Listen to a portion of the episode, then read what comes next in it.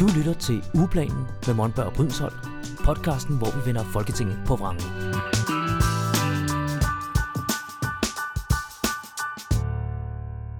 Velkommen til derude. Vi er i gang med endnu et afsnit i ugeplanen, og denne gang så bliver det noget rigtig, rigtig spændende. Jeg hedder Michael Monberg, og jeg er dyrrettighedsordfører i Alternativet. Og jeg hedder Helene Liljendal Brydensholt. Jeg er flygtninge- og integrationsordfører i Alternativet. Og vi har en gæst i studiet i dag, som skal gøre os lidt klogere på noget omkring øh, mangel på sygeplejersker, ligeløn og noget, der hedder tjenestemandsreformen. Og du får lov til at præsentere dig selv. Jamen, hej derude. Jeg hedder Vibeke Frost, og jeg er sygeplejerske. Og så har jeg gennem de sidste øh, to år i hvert fald været aktivist og kæmpet for rettighederne for sygeplejerskerne og ligeløn blandt andet. Og jeg er sådan en hvid overklassemand, IT-nørd og farveblind. Så min, øh, min umiddelbare tanke, det er, det problem, vi har vi løst for længe siden. Der er der, der, er der ligeløn. Så, så hvad er det, vi skal snakke om i dag?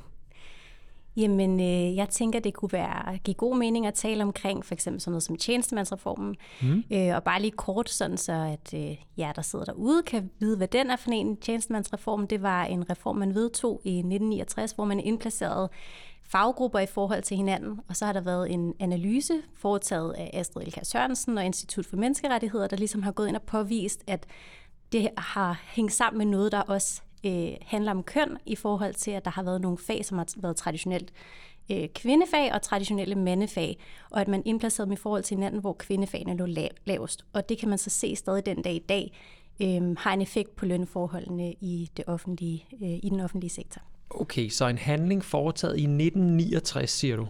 Ja. Den gør, at der stadigvæk er forskel i løntrinene blandt mænd og kvinder?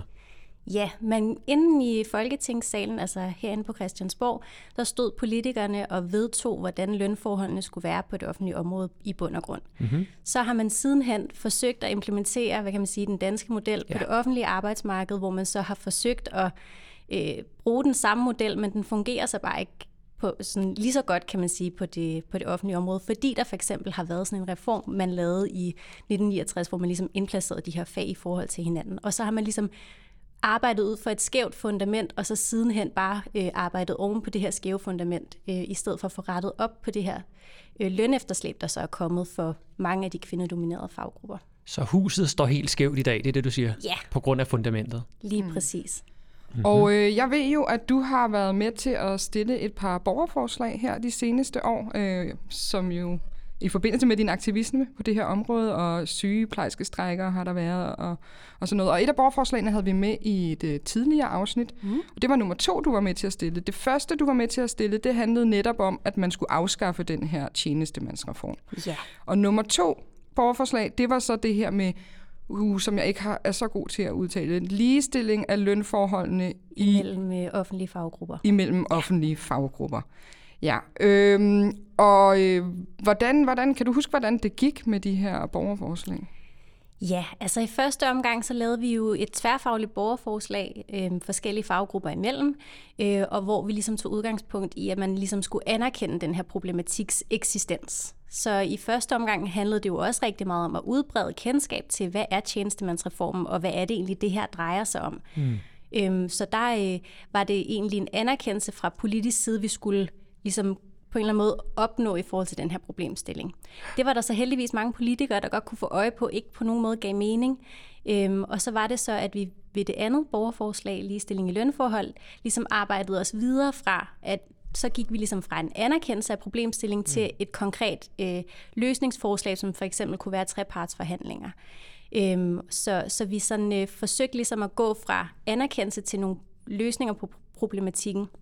Og der kan vi jo også se nu, at for eksempel øh, i forhold til sygeplejestrækken, som også tog afsæt i det her, den her grundlønsindplacering, som ligger øh, med tråde tilbage til tjenestemandsreformen, det var jo det, som der var mange sygeplejersker, der gik på gaden og ligesom ville have et opgør med. Hmm. Øhm, og der var det, at der ligesom var, hvad kan man sige, radiotavshed herinde fra Christiansborgs side. Øh, men langsomt er der jo flere og flere, der er kommet med ind og begyndt at anerkende det, og nu det, kan man jo se her under valgkampen, at det er begyndt at fylde enormt meget, og vi taler ikke om, hvorvidt det eksisterer, vi taler faktisk om, hvordan skal vi løse problemerne. Og så kan man sige, at der er lidt to ben i det her. Der er hvad kan man sige, det lønmæssige i forhold til det strukturelle i uligestilling, der er i forhold til tjenestemandsreform, og så er der det andet ben, som handler om det her nu akutte i forhold til sundhedsvæsenet og den øh, markante mangel på sygeplejersker, der er den, øh, det besvær, der er med rekruttering og fastholdelse. Så der er sådan lidt øh, to ben at gå på, men de begge to hænger sammen med lønnen. Øh, så man mm-hmm. bliver nødt til at gå ind og tale om lønspørgsmålet. Og lige nu har vi jo faktisk ikke en overenskomst for sygeplejersker, fordi den er lovmæssigt vedtaget i Folketinget. Øh, man gik jo ind og lavede et lovindgreb for sygeplejersker, så politikerne kan jo i bund og grund gå ind og åbne for de her. Altså, de kan jo ophæve loven, og så er forhandlingerne jo genåbnet. Så det synes jeg egentlig, man fra politisk side burde gøre. Det var det, ja. man gjorde da under strækkerne? Ja. At man lavede den her lov? Ja, lige ja. præcis. Der lavede man jo et lovindgreb i sygeplejestrækken, da vi havde været i gang i, jeg tror det var 10 uger, at vi nåede op på hvis jeg husker helt rigtigt. Øhm, og det trak man jo i langdrag, så tog politikerne på, på sommerferie, og så var det, at, øh, at vi ligesom fik lov at gå på gader og stræder og forsøge at råbe politikerne op, og så var der EM og alle mulige ting, men der var radiotavshed fra regeringens side. Og så øh, da de ligesom kunne se, okay, nu begynder der at hobe sig nogle operationer op, så var det, at de brugte det som en, øh, en undskyldning for at gå ind og lave det her lovindgreb øh, i sygeplejestrækken. Øh, så reelt set har vi ikke færdigforhandlet vores overenskomst. Øh, så i bund og grund tænker jeg, at det kunne give rigtig god mening, at man gik ind og talte om, at man så fik færdigforhandlet det, hvis man reelt set gerne vil løse noget i forhold til mm. øh, lønspørgsmålet. Mm. Så havde man jo muligheden der i hvert fald. Jeg kunne godt tænke mig lige at trække den tilbage yeah. øh, til, øh, til sådan en som mig, som tænker, hvad er det reelle problem? Altså, hvor, øh, hvad er det for nogle dybest set, hvor er det et mandefag øh, ligger lønmæssigt kontra mm. et kvindefag? Lad os bare tage, ja, du har vel nogle eksempler, sygeplejerske kontra og så må du komme med et mandefag. Ja, altså traditionelt set, så var for eksempel lærerfaget jo et, et mandsdomineret fag ja. øh, tilbage i 1969. Og det man sådan kan se sådan i cirka-tal af de her 4.500 til 5.000 kroners lønforskel øh, i forhold til grundlønsniveauet. Så det er jo det, man skal gå ind og tale om. Øh, og der kan man jo også se, at der er nogle faggrupper, hvor det står endnu øh, mere gralt til, måske end hvis man kigger bare på sygeplejersker. Der er ja. jo også pædagoger, øh, som i den grad også halter bagefter, jordmødre. Øh, øh, der er mange andre faggrupper, som der ligesom øh, er berørt af den her tjenestemandsreform.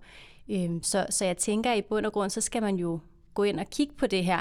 Øh, og nu har man så valgt at... Øh, lave en lønstrukturkomité, øh, som man implementerede i sygeplejestrækken øh, lovmæssigt, kan man sige, og den, øh, den den har så haft til hensigt at gå ind og analysere på lønspørgsmålet. Men øh, det er jo så det, vi har været ret mange øh, forskellige sygeplejersker og andre faggrupper, der har været ret bekymrede for i forhold til, at det her øh, så lidt går hen og bliver en syltekrukke, fordi at det sådan lidt bliver mange af de samme mennesker, der sidder og trækker på mange af de samme gamle tal, kan man høre, og mm. øh, også nogle øh, forkerte hvad kan man sige, regnemetoder i forhold til løn per præ- præsteret time og alle sådan nogle ting, ja. som man går ind og anvender i forhold til lønspørgsmålet. Så jeg har ikke særlig meget tiltro til, at den kommer med noget særligt positivt i hvert fald. Det må vi jo ja. se. Skal vi prøve at besøge det strukturelle, som du nævnte? Ja.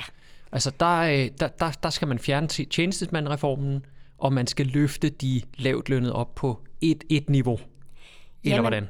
Man bliver i hvert fald nødt til at kigge på, at man sammenligner øh, uddannelsesniveau også i forhold mm. til hinanden. Øhm, for eksempel internationalt har man jo de her øh, parametre, man ligesom kigger på, hvor indplacerer man øh, uddannelser i forhold til hinanden, i forhold til ECTS-point og alt sådan nogle ting. Ja. Øhm, så der, der må man ligesom kigge på, at øh, en, øh, hvad kan man sige, en læreruddannelse og en sygeplejerskeuddannelse er i bund og grund lige lange. Mm. Øh, så det vil jo selvfølgelig så give mening, at man i hvert fald øh, udlignet, sådan, så de havde nogenlunde samme grundlønsniveau øh, ja. i forhold til, at det begge to er enormt vigtige fag, øh, man besidder. Øh, så sådan strukturelt set, så kunne man jo gå ind i hvert fald og lade sig inspirere af lignende fag, som laver ja. lignende arbejde i forhold til det. Øh, og og ja. lige, lige for at samle op, du siger, at en lærers grundløn ligger 4.500 til 5.000 højere end en sygeplejerskes. Ja, det er jo det, den her tjenestemandsreform har gået ind og sådan, øh, analyseret frem på, hvordan okay. de ligger i forhold til hinanden. Ja, ja. Og så er der så, så nogle faggrupper, der ligger netop øh, i bunden, og det er jo mm. især sådan pædagoger, så det vil jo også give rigtig god mening, at man gik ind og kiggede på, hvem ligger lavest, og social- og sundhedsassistenter ligger mm. også rigtig lavt. Det vil også give rigtig god mening, at man gik ind og ligesom sagde, okay, hvem er det, der har et problem her, at man så går ind og ligesom får løftet øh, alle de her faggrupper. Ja. Øhm. Og det hænger jo rigtig meget sammen med, med ligestilling og også noget i forhold til retfærdighed. Altså mm. det, at det, det, det, I mine ører er det i hvert fald ret retfærdigt, hvis man har taget en lige lang uddannelse, og man er ansat det samme sted, altså mm. af staten eller kommunen eller regionen, men altså det offentlige, mm. så skal man jo også have den samme grundløn. Øhm, og så er der jo hele problematikken, som du var inde på før, med rekruttering. Mm. Øh, I går sagde de i TV-avisen, at vi mangler 2.400, eller vi mangler ikke, der er 2.400 sygeplejersker, der har forladt faget bare ja. i år.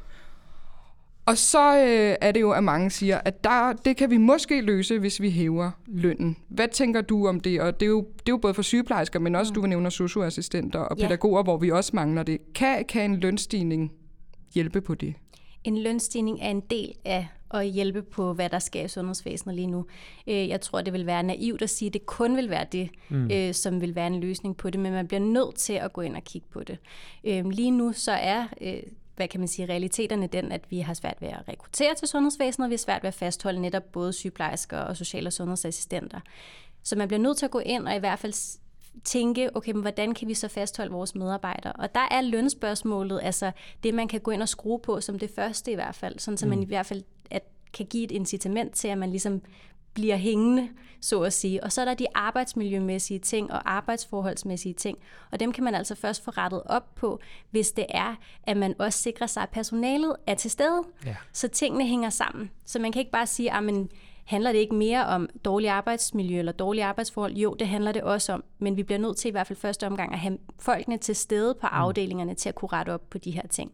Ja. Og der tænker jeg, at der bliver man jo nødt til at kigge på lønspørgsmålet. Og det er jo det, man kan se nu, der sker i forhold til for eksempel det private, som øh, har ikke så stor besvær med at rekruttere sygeplejerskerne, fordi de har lukrative lønforhold. Ja. Så vi bliver nødt til at finde ud af, okay, hvis vi gerne vil sikre, at der også er lukrative lønforhold i det offentlige, så vi i hvert fald kan fastholde vores medarbejdere, ja, så bliver vi nødt til at tale om lønspørgsmålet. Mm. Øhm, men det er, altså, der er flere øh, ja, lag i det. Ja, for jeg skulle også til at sige, i, i, det, i, i nyheden, nyhederne i går, der var hende øh, sygeplejersken, der var stoppet og nu arbejdede i en tøjbutik lige over på den anden side af gaden fra Rigshospitalet. Ja. Og hun sagde jo også, ja, lønnen, har en, øh, lønnen havde en betydning, mm men det var simpelthen stress og jag ja. og sindssygt dårlige arbejdsforhold, som, som gjorde udslaget. Mm. Så desværre, så kan man sige, at lønnen er høj nok til at fastholde folk i de her dårlige arbejdsforhold. Mm. Øh, det vil jo være næsten fantastisk. Altså, fiktivt ville det være fantastisk, hvis alle de ligesom sagde, nu gider vi simpelthen ikke mere. Mm. Øh, det kan man ikke, fordi det er mennesker, der, der lever og dør øh, på baggrund af, af sygeplejerskernes øh, hårde indsats. Men, mm. men på en eller anden måde, så er der nogen, der skal lære det her, ikke? fordi det har været en, det, har, det, er, det er simpelthen blevet syltet i for mange år. Fuldstændig, og det var også det, at der var rigtig mange sygeplejersker, der forsøgte hen over sidste vinter, hvor at, øh, der var mange, der nedlagde arbejdet. Mm. Altså efter hvad kan man sige, den overenskomstmæssige strække, så blev der lavet en, en arbejdsnedlæggelse. Ja øhm, som var så overenskomststridige, men ikke ulovlige, ja. øh, hvor at man ligesom havde øh, sygeplejersker, der gik fra og øh, stod ud foran deres hospitaler i øh, en times tid ja. og øh, nedlagde arbejdet. Og jeg tænker også, altså, at man bliver nødt til at gøre noget drastisk, for at der er nogen, der ligesom hører efter øh, sådan rigtigt, men jeg tænker, at lige nu der er forholdene så forfærdelige, og det egentlig står ret gralt til, så man bliver nødt til at forholde sig til det. Og det er egentlig også det, jeg hører rigtig mange politikere sige, at, at øh, de bliver nødt til at forholde sig til det. De kan ikke mm. komme udenom det. Så kan ja. man så diskutere løsningerne. Ja. Mm. Øhm. Og hvad er det øh, i forholdene, der er? Du har, du har arbejdet, jeg ved, du har arbejdet i psykiatrien som mm. sygeplejerske. Har du også arbejdet på hospital? Altså psykiatrisk hospital, ja. Psykiatrisk hospital. Har du ja. arbejdet på sådan et øh, somatisk øh, Nej, jeg hospital? har, jeg har været i voksenpsykiatrien og børne- og psykiatrien okay. øh, som sygeplejerske. Og nu underviser du, ikke? Og nu underviser jeg på sygeplejerskeuddannelsen. Yes. Men hvad er det, men du, du taler jo også med dem, der arbejder også i det somatiske ja. øh, del af, af syge, sygehusvæsenet. Hvad er, det, øh, hvad er det ved de her forhold? Hvis vi skal være sådan helt konkrete, hvad er det for nogle dårlige forhold, man oplever som sygeplejerske, udover dårlig løn og så øh, færre og færre kollegaer? Mm. Øh, er det det store, at man ikke har nok kollegaer, eller er der også andre ting? Jamen altså det, at man ikke har nok kollegaer, gør, at det er rigtig svært at få vagtplaner til at hænge sammen. Mm. Det gør, at der er rigtig meget personale, og det uanset om man er i det somatiske sundhedsvæsen eller det psykiatriske sundhedsvæsen, øh, at man ikke har, øh, at man skal arbejde mere, end man måske har lyst til i forhold til ens arbejdsbrøk også. Så det kan betyde, at man bliver pålagt vagter. Det kan betyde, at man bliver nødt til at tage øh, dobbeltvagter. Jeg kan huske i hvert fald, da jeg var i voksenpsykiatrien, så var den stensikker næsten hver søndag, når jeg havde haft aftenvagt, at så øh, var der en af os, der skulle blive i dobbeltvagt, sådan så vi havde 16 timers vagt fra øh, klokken 3 og så til klokken 7 næste morgen. Øh, og og det, det, gør, at man bliver slidt. Altså mm. det gjorde i hvert fald, at det var, øh, selvom jeg arbejdede deltid, så synes jeg, det var enormt hårdt øh, faktisk at være på, øh, på et øh, lukket afsnit i voksenpsykiatrien, fordi at der er det her, den her mangel, og der opstår så mange akutte situationer, og det er gearet til, at, øh, at for eksempel hvis man nu har en patient, der får det så skidt, at de har brug for at have en til en personale, mm. sådan som der i daglig tale kaldes fast vagt for eksempel, så er det lige pludselig en ekstra personale, man skal bruge. Men hvis man nu havde normeret til, at man altid havde lige en ekstra, eller man lige sikrede sig, at man var dækket sådan okay ind, så man ikke behøvede at stå klokken 11 om aftenen og tilkalde ekstra personale, jamen så vil det være noget andet. Men hverdagen er bare den, at man må leve med, at man øh, ikke kommer på toilettet. Altså der er også rigtig mange vagter, hvor jeg sådan kommer i tanke om, gud, jeg har ikke været på toilettet øh, overhovedet i den her vagt. Øh, i psykiatrien, der tænker jeg, at man er lidt mere heldig stillet, fordi mange af de måltider, der er sådan terapeutiske måltider, som man spiser øh, sammen med patienterne, så er man heldig, at man i hvert fald ved, at man får, får frokost eller aftensmad, eller hvad det nu måtte være. Men mm. i somatikken, der er, der er det ikke terapeutiske måltider. Der skal man stå til rådighed. Der har man ikke, øh, hvad kan man sige, frokostpause. Så man, hvis der er en patient, der har akut brug for ens hjælp, så går man øh, selvom man sidder måske er i gang med at spise sin aftensmad. Og så betyder det altså, at man måske bliver distraheret af 20 ting, og så kommer man faktisk nogle gange til at glemme, at man var i gang med at spise. Det har mm. jeg i hvert fald også oplevet.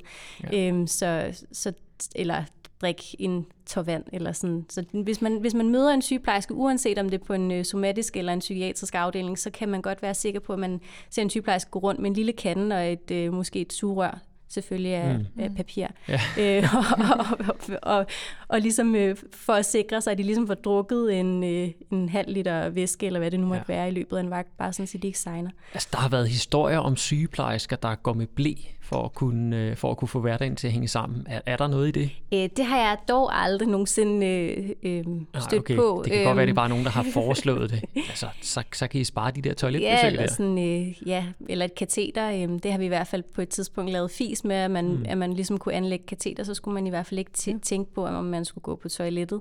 Stomi? Øh, ja, der ja. er mange muligheder, hvis man skulle optimere sundhedsvæsenet. Ja. Effektivisering, det er jo altid godt. Ja, ja. ja. Men, men, men altså det der med ikke at kunne simpelthen ikke at have tid til at gå på toilettet, det, det er jo i min verden er det jo er fuldstændig vanvittigt. Altså det, det er jo en, mm.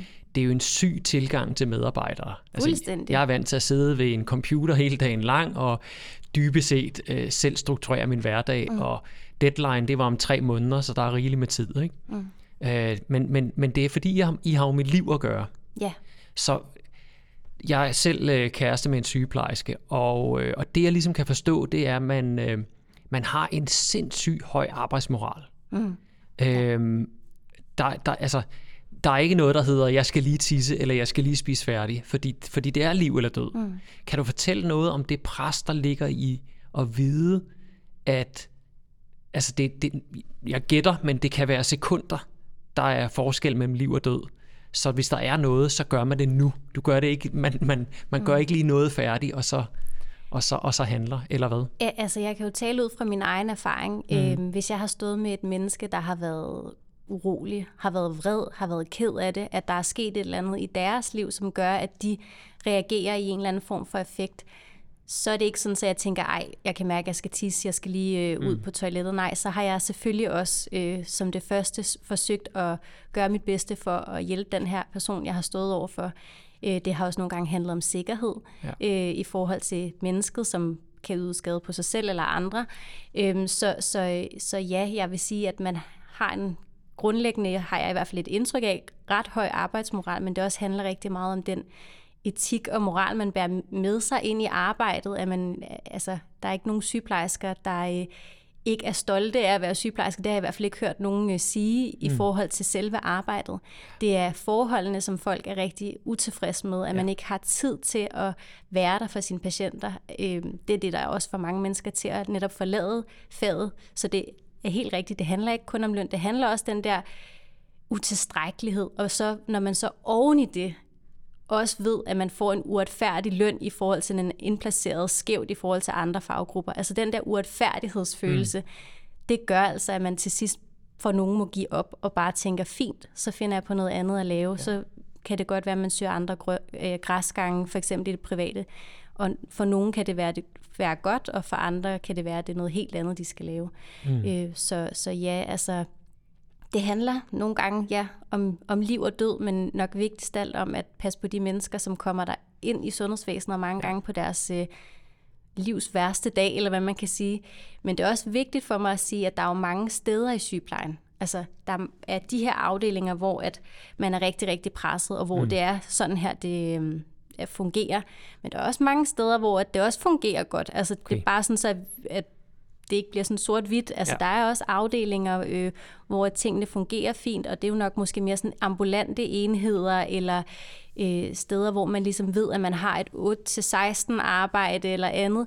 Øh, det er bare ikke det, der er mest af i sundhedsvæsenet. Så, så man kan sige, at når der er sygeplejersker, der går ud og siger, okay, vi har også brug for at tale om hvad kan man sige, den her snak om de gode historier, så er det jo nok rigtigt for dem, fordi mm. at de oplever en anden virkelighed, fordi de måske netop har nogle gode arbejdsforhold. Ja. Men der er bare også rigtig mange, der har nogle rigtig elendige arbejdsforhold, ja. og vi bliver simpelthen nødt til at få løst de steder, og der hænger det helt klart sammen med lønnen. Jeg har netop hørt øh, en del, og måske er det meget borgerlige politikere, sådan noget, der siger den der, nu skal I også stoppe med at tale faget ned, og det er også det, der skræmmer folk væk for at, at, at tage uddannelsen. Hvad har du, hvad har du, hvad plejer du at sige, når, de, når du får kastet den i hovedet? Jamen altså præcis det her med, at det handler jo ikke om at tale faget ned. Der er, ikke nogen, altså, der er vidderligt ikke nogen sygeplejersker, jeg har mødt, som siger, ej, det er forfærdeligt mm. fag at, at være sygeplejerske. Nej, det er forfærdelige arbejdsforhold. Altså nu øh, så jeg lige, at der desværre er kommet den her sag frem omkring øh, det her ude i plejesektoren øh, i forhold til nogle plejehjemsbeboere, der er blevet behandlet forfærdeligt dårligt. Mm.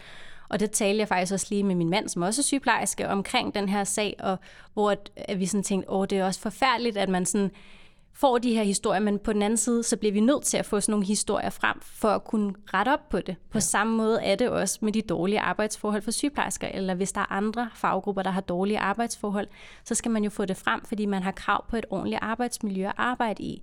Så, så, øh, så jeg tænker, det er, jeg forstår godt, at man tænker, ej, hvor er det irriterende, at vi ikke kan tale om alle de der solstrålehistorier. Øhm, men det er jo et problem, hvis der er rigtig mange, der hver dag lever med at blive slidt op, gå grædende hjem, er stresset. Øh, det bliver vi nødt til at få talt om, for at få løst det, sådan så de også kan komme hjem og fortælle nogle solstrålehistorier. Øhm, men altså, jeg tænker, at det er vigtigt, at folk øh, fortæller deres version af, øh, hvordan de oplever det selvfølgelig, sådan så man får de forskellige nuancer, men vi bliver også bare nødt til at lytte på de kolleger, som har det rigtig svært i, mm. øh, i sundhedsvæsenet. Mm. Nu har du lavet to borgerforslag indtil nu. Øh, det første, det var noget oplysning. Det var at formidle, at der overhovedet er et issue med mm. tjenestemandsreformen. Og nummer to, det var mere handling. Nu skal der gøres op med det. Ja. Kommer der et tredje? Øh, det skal jeg ikke kunne sige. Altså nu er jeg jo en, en hvad kan man sige, en fri aktivist, øh, mm. hvor at før der har det jo været mere organiseret i sådan en tværfaglig øh, styregruppe. Hvad hed den? Øh, jamen, den, det, det hører lidt ind under, hvad kan man sige, ligelønsbevægelsen, og ligelønsbevægelsen er lidt, som jeg ser det, en meget bred bevægelse, bestående af flere forskellige fraktioner. Øh, der er okay. ligesom en, en styregruppe, og så er der øh, Forening af Danske Sygeplejersker, som for eksempel mm. laver rigtig meget aktivisme i forhold til sygeplejerskerne, og så er der jordmøder for ligeløn, og så er der jo også bare alle mulige enkelte individer, der går ud og taler ligelønsdagsordenen, både inden for forskellige partier og i kraft af deres fag. Øh, så, så sådan selve, hvad kan man sige, den samlede bevægelse ser jeg som sådan noget meget bredere og større. Okay. Øhm, så det, jeg tænker, hvis der sidder nogen derude og tænker, der skal et uh, tredje borgerforslag til, så synes jeg helt klart, at de bare skal give den gas. Mm. Vi har jo muligheden som øh, vortende øh, folketingspolitikere, Helene, der ja. har vi jo muligheden for at, øh, at skippe de der 50.000 underskrifter og stille beslutningsforslag direkte. Ja. Ja.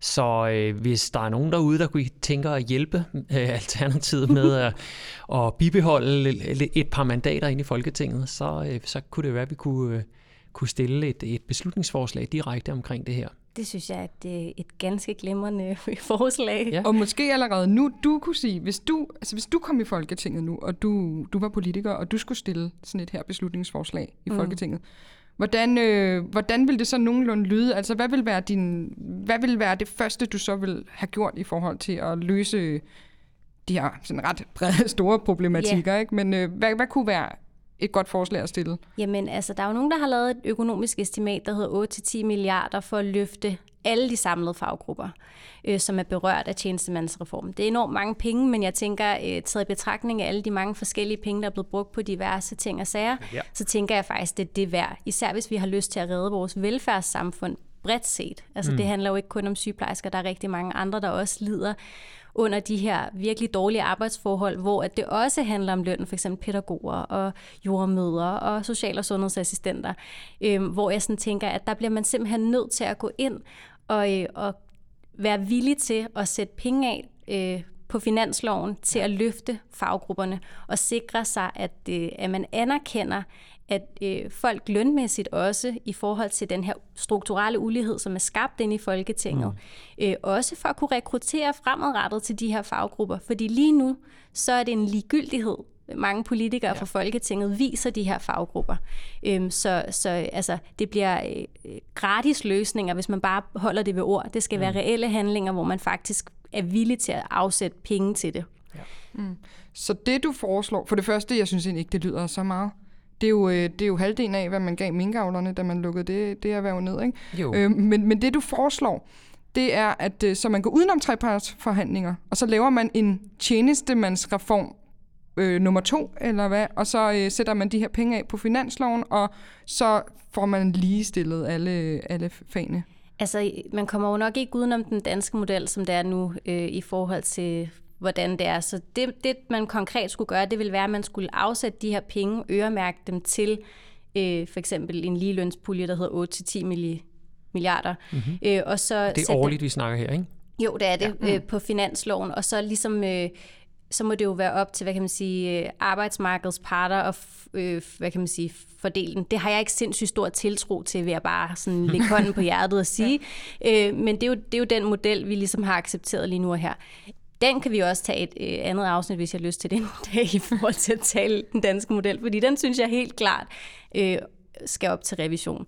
Okay. Øh, særligt i forhold til, hvordan det forholder sig på det offentlige arbejdsmarked, i forhold til den indsigt, jeg har fået i, hvordan det fungerer ja. i løbet af det sidste stykke tid. Øh, fordi at der er enormt mange intriger i fagbevægelsen, og alle mulige forskellige positioneringer i forhold til hinanden, som spiller meget mere ind end sådan en god gammeldags solidaritet, hvor vi, hvor vi løfter hinanden øh, i flok og fra bunden og op. Du siger, øhm, der, du siger, der er gået politik i den simpelthen. Øh, der er gået fnider i den. det lyder lidt Christiansborg-agtigt. Ja. Øh, fuldstændig. Ja. Altså, jeg tænker, at det kan ja. en til en sammenlignes. Okay, men det kan godt være, at vi skal lave en fagforenings uh, special. En uh, trepartsmodel special. Ja. ja. Spændende. Men, uh, men ja. vi skal til at runde af. Det skal vi nemlig. Jeg er blevet, jeg er blevet vældig øh, oplyst af det her, så jeg vil takke mange gange. Øh, har du noget, du vil bidrage med, Helene? Nej, jeg vil også sige tak. Jeg synes også, jeg er blevet øh, rigtig meget oplyst. Jeg har 10 flere spørgsmål, jeg kunne okay. stille, så jeg tror, vi skal have dig i studiet igen måske. Og måske med, med en fra fagbevægelsen, og så kunne man have en... Øh, og så bare, øh, så kan vi to gå ud af studiet, mens de, mens de, mens så, de så får I lov til at være der. For, ja. ja. ja, tusind tak, fordi du vil være med, tak. Vibeke. Ja. Og øh, vi lyttes ved derude. Nu øh, jeg er ikke sikker på, at der kommer et afsnit ud på... Vi plejer at udgive afsnittene øh, om tirsdagen. Jeg er mm. ikke sikker på, at der kommer et afsnit tirsdag den 1. november, hvor der er valg. Vi har det gør der nok rygende ikke. travlt. Ja. Øhm, så øh, det, det kan godt være, at jeg lige må øh, vente en ekstra uge på, på næste afsnit efter det her. Vi holder valgpause simpelthen. Vi holder valg, ja. valgdagspause, ja. Det er godt. Det er jo. Tak, tak for det. Ved. Hej. Hej. Ugeplanen med Monberg og Brydensholt. Podcasten, hvor vi vender Folketinget på vrangen.